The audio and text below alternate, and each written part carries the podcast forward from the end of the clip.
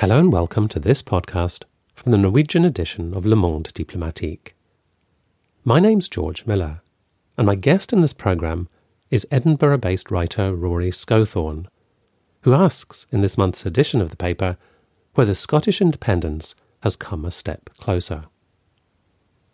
Rory is also co author of the book Roch Winds, a treacherous guide to the state of Scotland, published in 2016 and when I spoke to him recently, I was keen to get his update on the current state of Scotland.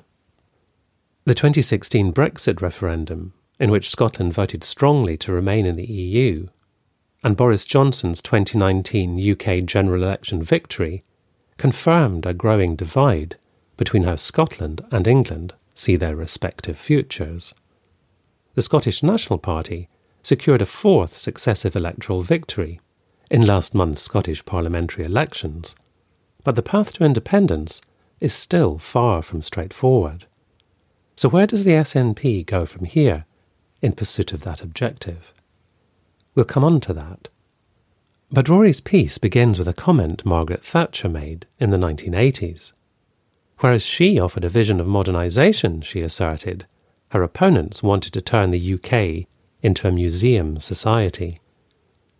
Rory writes Thatcher underestimated the appeal of museum society. Labour overestimated it. I asked him to tell me more. Well, it's one of the key things to understand about Thatcherism is that this was not a return to the 19th century. This wasn't rolling back the state, stripping away all the gains of 1945.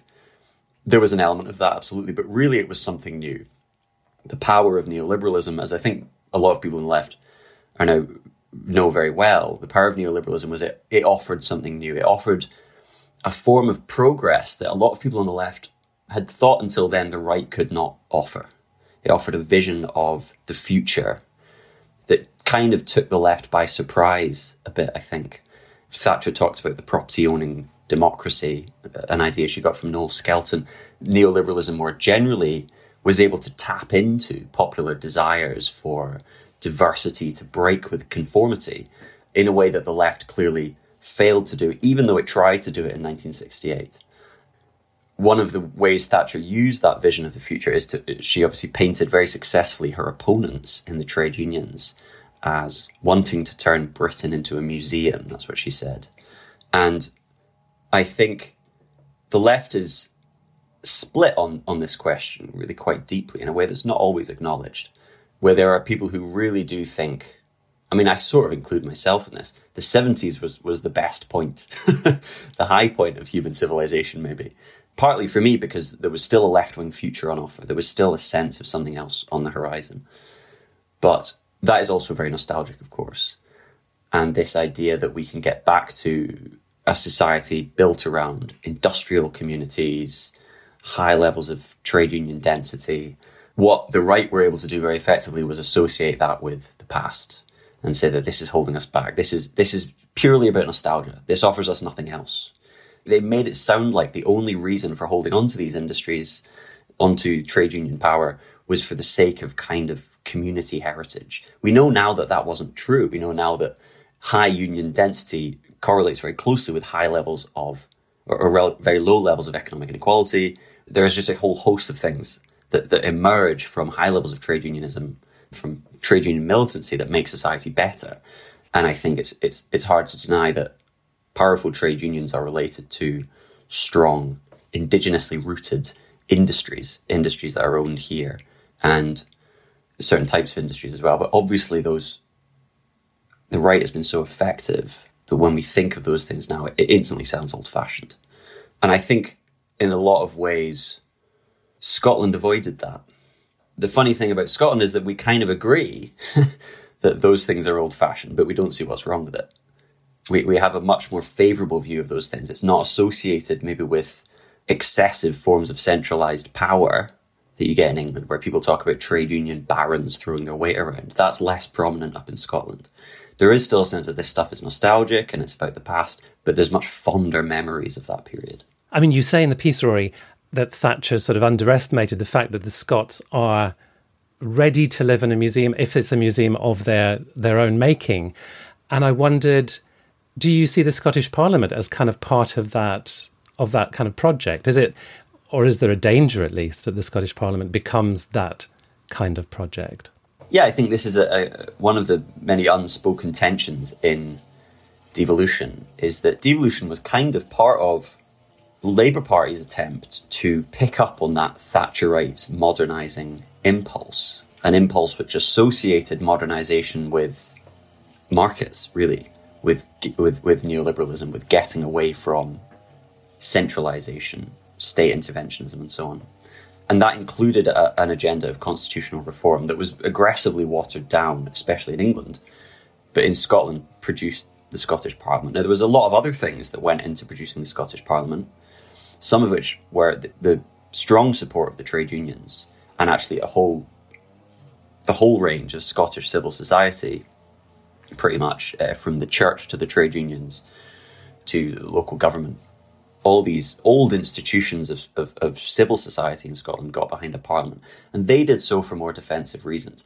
They did so in reaction against Thatcher's imposition of a different vision of the future on Scottish society, one that they did not feel emerged from their own ideas of, of where society ought to be going.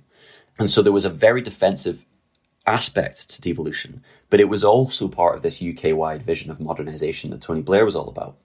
And so there's a tension there where, where the means by which the Scottish Parliament legitimises itself and by which Scottish civil society legitimises itself is as the defenders of the old kind of flame of Scottish values, which have been kind of removed from their material basis because deindustrialisation has happened and is still happening. But but they're still there as a kind of residue that has found a new secure basis in these institutions, in these defended institutions. So those memories have been kind of rooted and really kind of ossified in the institutions of devolution in Scotland. And so we do have that museum society aspect. As I say in the piece, Mick McGahey, who was the Scottish National Union mine workers leader, he was a, a leading member of the Communist Party of Great Britain, one of the most vocal supporters of a Scottish Parliament, and one of the guys that really got the Scottish trade unions to back a Scottish Parliament. Uh, his ashes are buried in the in the foundations of the Scottish Parliament, um, and all around the Parliament building, which is a very you know modern building. It's quite adventurous. It's quite exciting.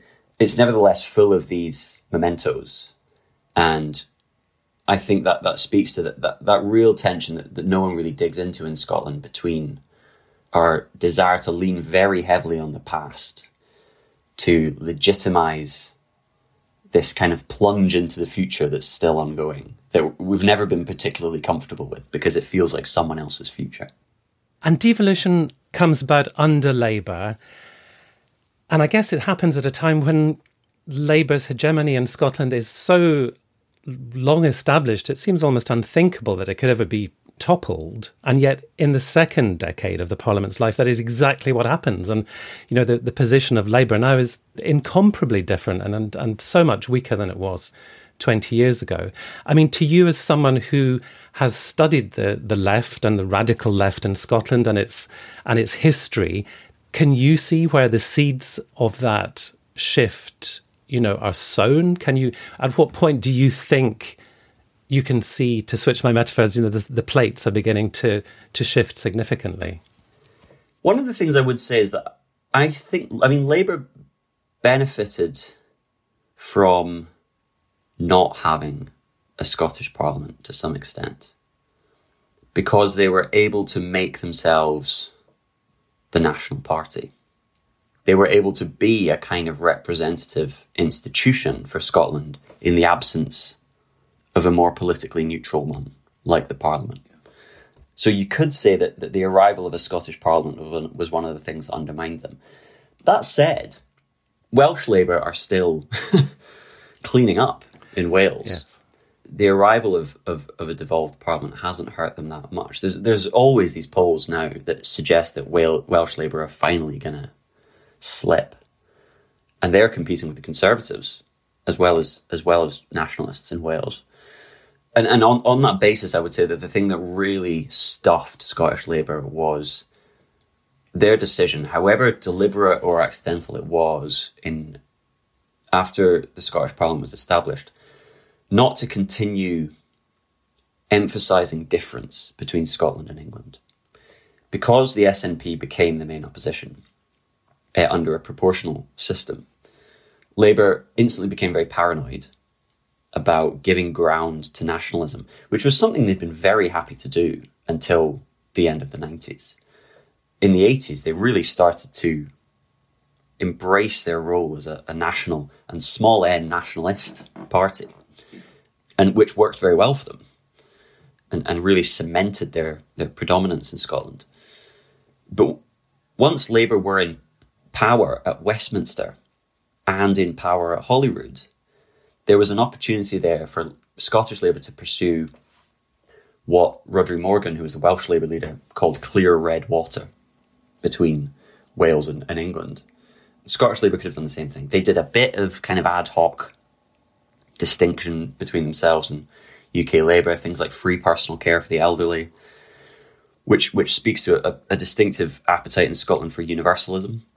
But on things like the Iraq War, on things like nuclear weapons, on things like, and then when it came to even austerity, they just never really hammered home the sense that Scottish Labour disagreed with where UK Labour was going, that they were a different thing, that they had an entirely different vision of society that was Scottish, which they had done until until the end of the nineties, and they just they just let it go. It seems. It's hard to see exactly where that came from, but it was a lot to do with the fact that Blair had just got in. There was a lot of optimism around it. People thought this is it. We've fixed it. We've we've got a kind of quasi federal fix for the national question. That problem is over.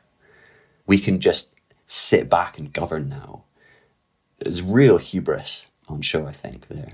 And Iraq Iraq really punctured some of that. Yeah. Yes, of course. But you know, before that, it seemed like here was a model that might actually work. They might have found the right kind of balance of the the interlocking of the parts, and that would, you know, so why upset it? Exactly, and that's all. That's always the problem with Scottish Labour. They think there's this fix to the national question. They think there's some policy fix that they can just pull the lever, be it federalism, be it once we spend more money on Scotland, they'll start voting for us again they'll stop worrying about nationalism. They think that, and they don't realize that this is about the, this is about deeper structures of the British state that have to be taken on at the centre.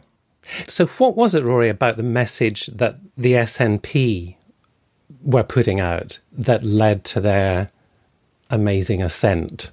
As as as Labour goes down, the SNP goes up. So, what is what is it they were doing differently? What was the appeal that they were managing to to put across to the Scottish people? the SNP are often portrayed as a kind of protest vote or um, or a kind of radical dissenting movement against the status quo. And there's a, quite a lot of romantic narratives of them, or a kind of manifestation of Scotland's inner spirit. You know, really, what's happened every every time the SNP make a breakthrough, with a few small exceptions, every time they make a big substantial breakthrough, it's largely because they've really cleaned up their act and professionalized.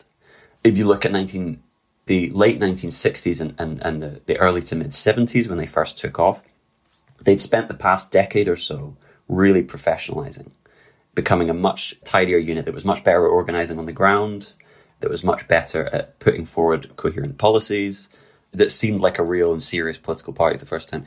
The same thing basically happened under devolution. Um, so from the early 90s because they went through a kind of wilderness years in the 80s where there was quite a lot of factionalism.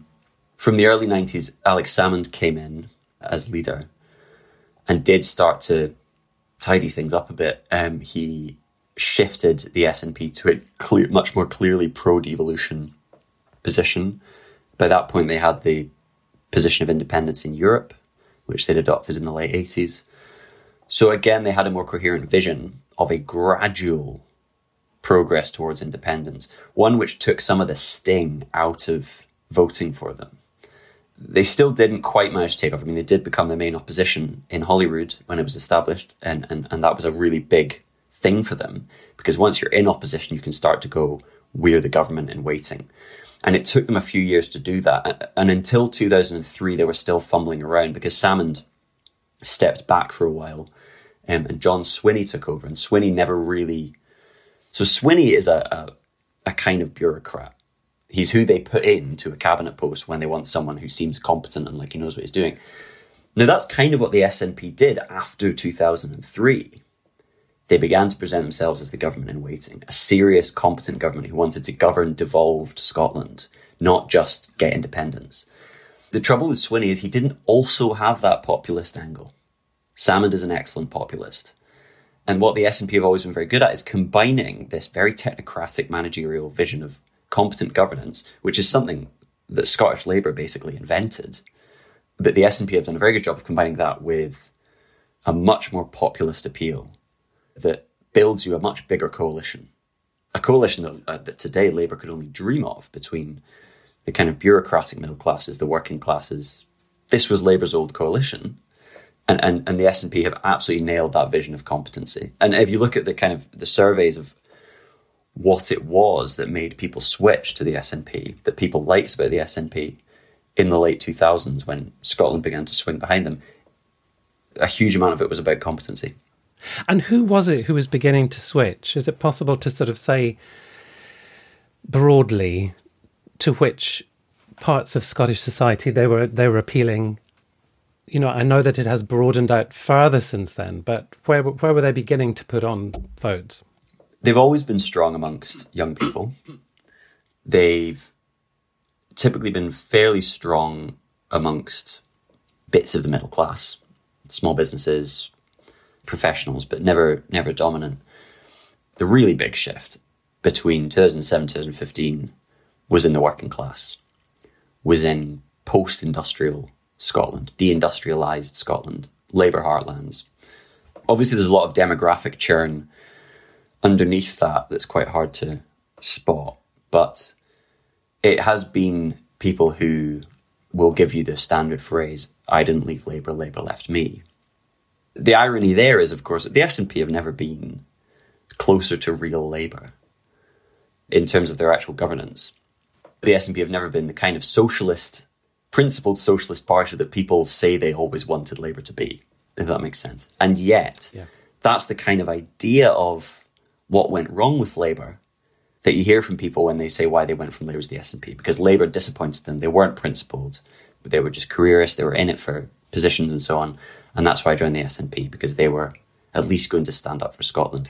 And that's the really big shift. I mean, across classes, people are have become more and more likely to say they feel more Scottish than British.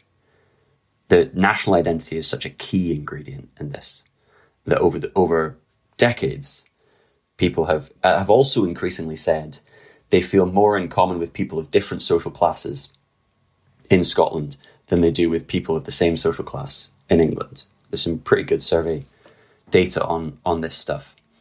So nation has as an identity has has increasingly taken precedence over class, even while people continue to say that they identify as working class when they're not in Scotland, which is again different from England. So you've got this whole mix of class and nation in Scotland that's fed into that SNP rise. Uh, but I think a lot of it has come from the old Labour base amongst the working class, or people who grew up working class and found a little bit more success. You know, when Blair said we're all middle class now, that expanding middle class has also now shifted behind the SNP.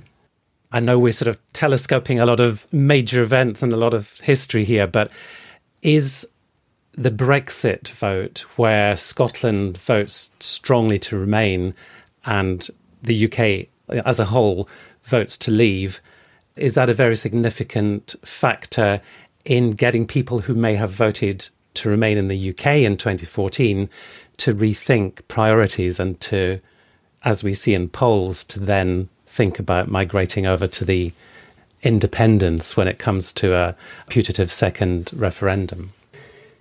Yes, sort of. You do see an uptick in support for independence after Brexit. After the Brexit vote, that's when the issue became live again. Because after 2014, the SNP kind of went, okay, we've lost. we'll put this on the back burner for a while. 2016 completely reignited it. So it put it back on the agenda, and you do see an uptick, an uptick in support for the SNP and independence. But it's not huge. The really, really big shift is the 2019 general election. I mean, you can just see Boris Johnson becomes prime minister, and bang. So it's about it's about Brexit, but it's about what Brexit means to people. And for, for a lot of people in Scotland, and the key swing voters in Scotland, what Brexit means is that the, this foreigner is in charge, basically. Boris Johnson yeah. is the most English prime minister you could possibly get. This was also part of the problem with Thatcher. She was so obviously English. She was so yeah. obviously from as far away from Scotland as you can get almost. Boris Johnson is, is not, and he's, it's not just that he has an especially like Etonian accent, because the Scots loved Tony Blair, although he did go to school in Fettes, which is our version of Eton. But Boris Johnson also represents a style of politics that's quite foreign to devolved Scotland. One which is which isn't really about competency at all. His style is about being a guy you'd like to have a pint with. Not that I would, but and that sort of weird, kind of laddish personality politics I mean, it was kind of part of Alex Salmond's appeal, but he was able to do the other side of things as well. He was able to present himself as a serious, statesman-like person. I don't fully understand his appeal in England. Maybe there's people in England who think Boris Johnson is the kind of model statesman. I just, I can't see how that's entirely possible. But yes, maybe it's about the Churchill cult or something. I don't quite get it. This sort of bumbling, romantic figure who who pulls out the hat at the last minute. It's just not something that that has as much pull up here. And it's after Johnson gets in, and there's a whole narrative about the Tories shifting wildly to the right, becoming a chauvinist English nationalist party that's very anti-immigration and so on. That narrative is very powerful. I'm not saying that Scotland is especially anti-racist or especially progressive, but we do like to think of ourselves as that. And it's very easy to perform that vision of Scottishness by going, we don't like that. Yes, because I think you describe him as a, a bar- barbarian in your article, and I guess he's he's a good figure to oppose for the SNP, isn't he? And you you characterize it as a sort of set of um, careful cosmopolitan enlightenment values, almost a sort of set of yeah values that sort of are above the materiality above the the sort of political nitty gritty and policies, but the SNP kind of trying to stand for something that is that I guess you know going back to David Hume or looking at European values or whatever, it's sort of is sort of standing for more than just a set of um, policy positions. Yeah. This is one of the things that, that Keir Starmer's trying to do, and, and Tony Blair did very well, which is this idea of values based politics. Politics is no longer about material interests or class, this is what they say. Politics is about values, and you build your coalition around shared values. The SNP have been fantastic at this, but they've shifted those values carefully over time to stay in power. So when it's convenient, they've performed a kind of social democratic set of values, which was at its peak in the 2015 general election, when they took all the energy from the Yes campaign, which was which became a very anti-austerity movement, they took all that energy and 2015 if you watch their party broadcast from 2015 it's, it's like these big images of industrial or deindustrialized scotland. Big pictures of cranes and things.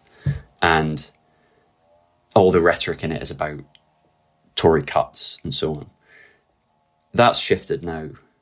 And now it's about being an open society which is a, a, a trick you're seeing pulled across europe especially quite successfully by Green parties, which is that we are in this existential struggle between closed societies and open societies.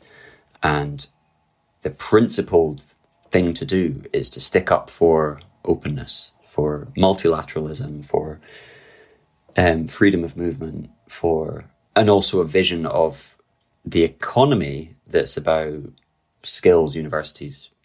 So you look at the SNP's broadcast now, and the government's broadcasts, they've got this Scotland is Now campaign, which is about people standing on beaches yelling across the channel at Europe and talking about how Scotland is open. And the thing that they never say in it, but the thing that is the only thing it says, is we're not like England. England is doing this terrible, stupid thing and leaving Europe and closing itself and turning in on itself against the world. And all the way through all of the government's communication is saying, but we're not, we're not like that. We are still open for business. They'll be claiming some vindication for that strategy right now because it's an economic strategy. It's not just about branding. We recently saw a big uptick against the trend in Scotland of foreign direct investment, which went up by about 6% in Scotland, down much more in England, in the rest of the UK. The SNP will claim this is about their successful marketing of Scotland as a place that really fuses multinational capitalism with sort of millennial cosmopolitanism. And obviously, they're able to tap into that deep rooted sense of Scotland as, a, as an enlightened place that is governed by reason and morality going hand in hand. Alex Salmond used to talk about how the Wealth of Nations, the Adam Smith book, had been misused by the right wing, and that you couldn't understand the Wealth of Nations without also reading Smith's theory of moral sentiments. And Adam Smith's whole point was about how the economy had to be moral and was a was a vehicle for public morality. And that's key to the SNP. They they see that prosperity is over here on the one hand and social justice is over here on the other hand, and there's no contradiction between the two. That, that we can have both as long as we have benevolent people in charge. And do you think, I mean, there was a, quite a rocky few months where Nicola Sturgeon's own position looked like it might be in jeopardy with the, the whole sort of fiasco over Salmond and his trial and the fallout from that and inquiries. Now that he's gone off and he's taken some disaffected members of the SNP with him, is Sturgeon in a way strengthened by the, all that's sort of gone before? Yeah, probably. She had a real fight in her hands, and she did seem to be in trouble for quite a while. I don't entirely understand what was going through their heads. They clearly spent too much time talking to themselves, her critics, a lot of them, and decided that they had some kind of mass base of support. I mean, Salmond's ego clearly got the better of him. And a big part of what happened in that whole fight, there was obviously the Salmon trial over accusations of sexual assault that he was cleared of, and there was all the stuff about the gender recognition agreement where Sturgeon wanted to make it easier for people to self identify their gender, and her critics didn't. And then there was criticism about the Growth Commission, which is the SNP's vision for the economy, which is quite neoliberal. Um, and all those things kind of got bundled together into Alba.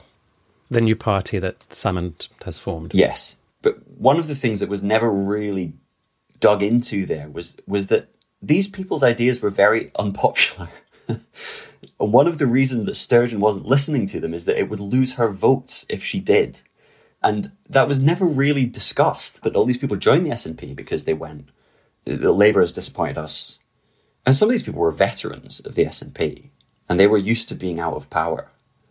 And others were people who joined the SNP because they thought the SNP were more left wing than Labour. All these people expected the SNP to be different from every other party that's won elections in Scotland.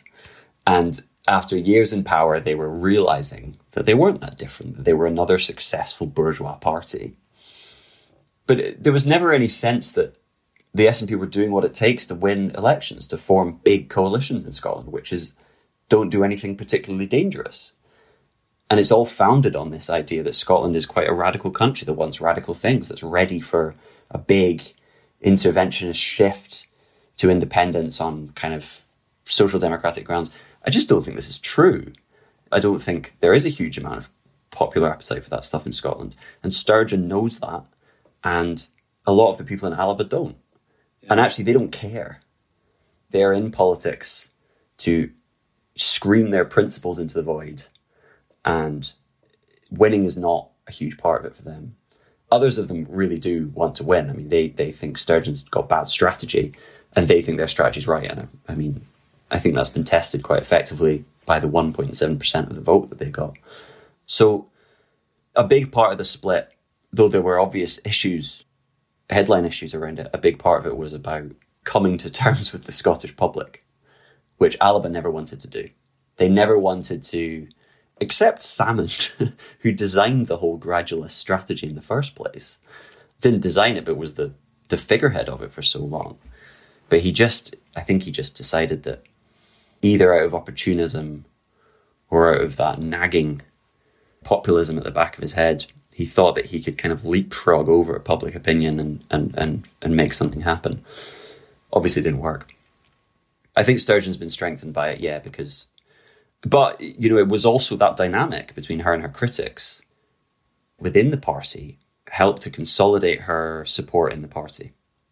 And maybe with those people gone, other elements, more sensible elements of the party, may find it easier to criticise her from, from within if there's a sense that the danger has passed. The SNP have just won their fourth successive victory in the Scottish Parliament. In Westminster, as we've said, we've got Johnson, and he's sitting on a on a big fat majority. So the question of the second independence referendum is an especially thorny one, and I wanted to ask you in particular about the timing and the manner in which Sturgeon now pursues that, because those it seem to me are, are going to be quite critical in how it plays out from here. I mean, how do you what do you see the sort of the options in her playbook as being?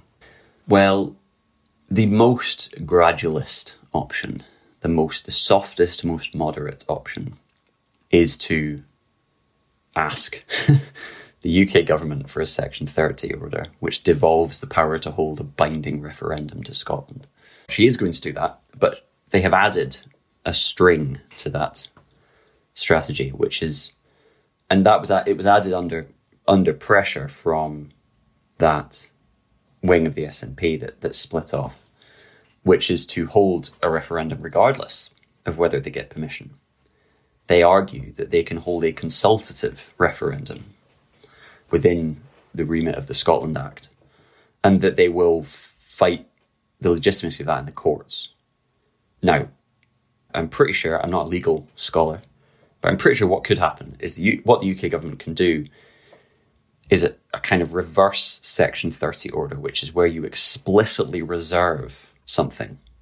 Because the UK Parliament is sovereign, they can, with a simple majority, they can just pass a piece of legislation saying the Scottish Parliament cannot do this. this is a grey area in the legislation, and they are not allowed to do specifically this. This is reserved. That would be one way that, that the UK Parliament could deal with that if they lose in the courts, for instance. So there's still a bit. It's still a bit tricky. Obviously, the SNP will be able to go, "Oh, look, Westminster is doing a power grab." If you think about everything the SNP does, all of its manoeuvring about this is being done to build up support for independence. So they will not do anything. They will be very reluctant to take any kind of action, constitutionally or extra constitutionally, that will lose them votes. That will, especially that will lose, that will drop polls for independence. So you can expect them to, to maybe take some kind of sort of spectacular routes here that involve holding a referendum regardless of what Westminster says, but they'll only do it if they think it will win them votes. And that's a bit of a tricky position to be in because a huge part of the argument for independence is that this is about stability. There's these destabilizing forces down south who want to break all the rules, smash all the norms. The SNP have, have rebranded themselves as the ultimate rule followers. They're reluctant even to diverge from EU rules, many of which they don't have to follow anymore, because they want to get back into the EU. So they want to be a good European citizen. And they want to be as in line as possible with EU rules so that they can get back in as quickly as possible after independence. So that rule following multilateralism is at odds with what they might need to do to actually get an independence referendum. Even if they hold a unilateral, kind of legally questionable independence referendum, the result will not be binding. And the UK government can just say, well, no, we're not going to do anything. And that's when the real battle would begin after that. The Salmond strategy was to win an election and open negotiations with the UK government, which was a non starter. I mean, it, it, it just assumed that everyone voting SNP was voting SNP because they instantly wanted independence, which is not true. So the SNP still has to maintain this very, very delicate balance between pushing things as far as they can and holding on to this big, fragile coalition which really doesn't want things to be shaken up too much. You know, the SNP's vote is very much the size of their vote is contingent on people going, you guys are good at fixing COVID. You guys are the best people to steer us through this crisis. And if the SNP starts doing things that, that threaten that stability or that can be portrayed as threatening that stability, their electoral coalition will be in trouble. But from the final paragraph of your um, your article, Rory, you regard independence as a matter of when and not if. Is am I reading you right? Yeah, some of this depends on what what you think of the Labour Party. Really, can the Labour Party get back in and address all the issues that underpin this deep political differentiation between Scotland and England? The things that the Labour Party would have to do to get back into office down south under the current way of thinking in the Labour Party. So Keir Starmer thinks that you've got to kind of pander to right wing ideas of patriotism and, and, and culture and, and so on, that you've got to stay out of all these fights between cosmopolitanism and nativism. By pursuing that strategy, he is demonstrating to Scottish voters that the weird cultural neuroses of the English come first. And so this this seems very unlikely to fix that clear political gap between the two countries that's so crucial to support for independence. Would a Labour government spend more money in Scotland? Yes, absolutely. I don't I don't really have any doubt about that. It would make a big difference to the economy. Even a right wing Labour government would mean a huge rise in public spending because the Tories are just so so far gone on that stuff. And I know the Tories are claiming to be I mean they are spending huge amounts right now, but let's see what they do in the future. And would a Labour government be able to stop being seen as English dominated? I don't think so. Especially not without a recovery in Scotland. So there's a bit of a catch 22 there. So I, I think independence is going to happen. It's a question of when. And, and the means by which it happens is, I mean, you've got to assume that eventually the Conservatives will lose an election. It's hard to imagine them being in power for decades. I suspect we will probably have some kind of different government with a different attitude to this question in 10 to 15 years which is a miserable prospect. We've got 10 to 15 years of this. But I, I don't I don't see them lasting longer than that. And when that happens, you will have had this huge build-up of pressure. I just don't see it going away. You will have had this huge build-up of pressure within Scotland for something to change. And then it, the question will become, can Westminster make the big change? Can it transform and overhaul the British Constitution in a way that satisfies these demands for independence rather than encourages them? Because that's the thing about devolution. This was the thing they thought would fix it and it just made it it just made it a bigger problem. I just think this the fix will be top down it will be cooked up in a little lab of, of policy wonks and it will have unintended consequences that they will not be able to control and we'll see the same dynamic again but this time after another 10 years of conservative rule which is which is you know, the Thatcher effect times two. And Thatcher obviously massively increased support for devolution. So I, I just see it happening eventually. the question for me is with that in mind, if we assume it's actually probably going to take a while, what can we do with the situation we're in now to make it as progressive as possible when it finally happens, to build up the conditions for a kind of independence that's as, as conducive to socialist politics? as possible.